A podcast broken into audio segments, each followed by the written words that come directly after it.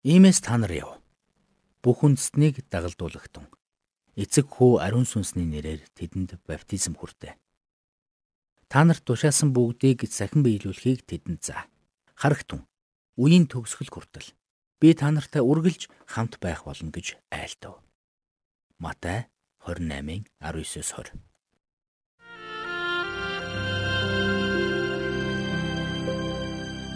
Мэргэний сонсог, мэдлэгийн тэлэг. Ухаалх нь мэрэгэн өдөр төмжийг мөн авах.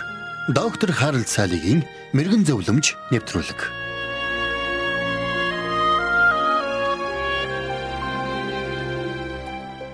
Хүндэт цаалаа. Танаас асуух асуулт байна. Есүс Христ Бурхан хоёр Христэд итгэгч үү? Хэрвээ тийм биш бол Бурхан Христ хоёр нэгдмэл байж чадахгүй болох биш гэж үү? гэж 8 настай сонсогч маань асуусан байна. Энэ бол үнэхээр чухал бас хариулахад амаргүй асуулт. Ямар тач би энэ бяцхан сонсогчийнхаа асуултанд өөрийнхөө хариулт өгөх гэж хичээе. Энэ асуултанд хариулахын тулд юуны төрөнд бид энд ямар бурхны тухай ярьж байгаа вэ гэдгээ тодорхой болгох учиртай. Учир нь хүмүүс бурхан гэдэг үгийг хэрэглэхдээ бүгд адилхан ойлгоно гэж боддог боловч бодит байдал дээр хүмүүс энэ үгийг өөр өөрөөр ойлгодог учраас энэ ойлголтоо нэгдмэл болгох нь чухал юм. Тэгэхээр энэ асуултанд хариулт өгөхийн тулд би Библийн бурхны тухай баг зэрэг ярих хэрэгтэй болно гэсэн үг. Тэр бурхны тухай бичгтээ Мойсе эхэнд бурхан тэнгэр газрыг бүтээжээ гэсэн байдаг. Тэгвэл бурхан өөрийгөө Христэд итгэгч эсвэл мусульмын эсвэл буддист гэж үздэг юм болов уу? Мэдээж бурхан бол бурхан. Тэр бол ам амьдралыг өгөгч, орчлон ертөнцийг бүтээгч, та бидний төсөөлж чадхааргүй агуу хүчтэй нэг. Бурхан бол Христэд итгэгч биш, еврейч биш. Тэр бол бурхан. Еврейчүүдийн эцэг гэгддэг Авраамаас ч өмнө байсан бас Бурхны хүү Есүс Христийг энэ дэлхийд ирснээс хойш үүссэн Христ итгэлээс ч өмнө оршиж байсан.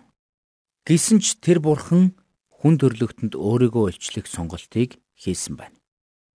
Ингэхдээ тэр дараах хоёр арга замаар өөрийгөө илчилсэн. Нэгдүгээр тэр өөрийн бүтээсэн байгаль дэлхийгээр дамжуулан хүн төрлөختөнд өөрийгөө илчилж өгсөн байна. Бидний амьдарч байгаа дэлхийн ертөнц өөрөө аяндаа бий болоогүй. Ямар нэгэн хувьслын үр дүнд үүсээгүй харин бурхнаар бүтээгдсэн юм. Библийн Ром номын 1-р бүлэгт ертөнц бүтээгдснээс хойш түүний үл үзэгдэх чанарууд, түүний мөнх хүч ба бурхан чанар нь бүтээгдсэн зүйлсээр дамжиж ойлгогдож, илэрхий харагдаж байгаа тул тэдэнд шалтак байхгүй хэмээн бичигдсэн байдаг. Гэвч байгаль дэлхийгээр дамжуулаад өөрийгөө бидэнд илчилсэн бурхны илчлэл дангаараа хангалтгүй байсан юм. Учир нь байгаль дэлхийгээр дамжуулаад бид бүтээгч бурхан байдаг гэдгийг мэдэж болохч түүнийг яг ямар бурхан бэ гэдгийг бүрэн дүүрэн таних мэдэх боломжгүй байсан юм. Тиймээс бурхан өөрийн хүү Есүс Христийг илгээж түүгээр дамжуулан бидэнд өөрийгөө илчилсэн юм. Гэхдээ энд бид нэг чухал зүйлийг ойлгох ёстой юм.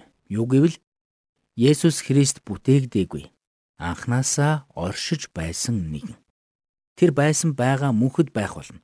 Энэ тухай Библиэд маш тодорхой өгүүлсэн байдаг. Библи бол Бурханаас бидэнд өгсөн онцгой ном юм. Тэгвэл гол асуудал руугаа эргэж очицгоё. Есүс эсвэл Бурхан Христэд итгэгч байсан уу? Заримдаа хүмүүс Есүсийг баптист, методист эсвэл католик байсан уу гэж асуудаг. Тэгвэл би танаас асууя. Бид морин тэрэг морь хоёрынхоо байрыг сольчих бол тэрэг урагшаа хөдлөх үү? Мэдээж үгүй. Үүний нэгэн адил бид Есүсийг Христэд итгэгч мөн үү гэж асуух нь яг л морин тэргээ мориныхоо урд гаргачих байгаатай адилхан юм. Түүхийн хуудсыг сөхвөл Есүс Христийг үхлээс амьснаас 30 жилийн дараа Антиохт анх Христэд итгэгчдийг Христ итгэлтнүүд хэмээн нэрлэх болсон гэдэг. Энэ нь тухайн үед бяцхан Христүүд гэсэн утгатай доромж нэр байсан юм. Гэхдээ хамгийн гол нь бид өөрсдийгөө хэн гэж нэрлэхээс илүү бид Есүсийг аврагч эзнээ болгон хүлээн авсан уу үгүй юу гэдг нь хамгийн чухал юм. Тэр цагт бид сая өөрсдийгөө жинхнээсээ Христэд итгэгч хэмээн тооцож болно. Тэгэхээр нэвтрүүлгийн эхэнд бяцхан сонсогчийн маань асуусан асуултад энэ бүхэн багч болов хариулт өгч чадсан байхаа гэдэгт итгэлтэй байна.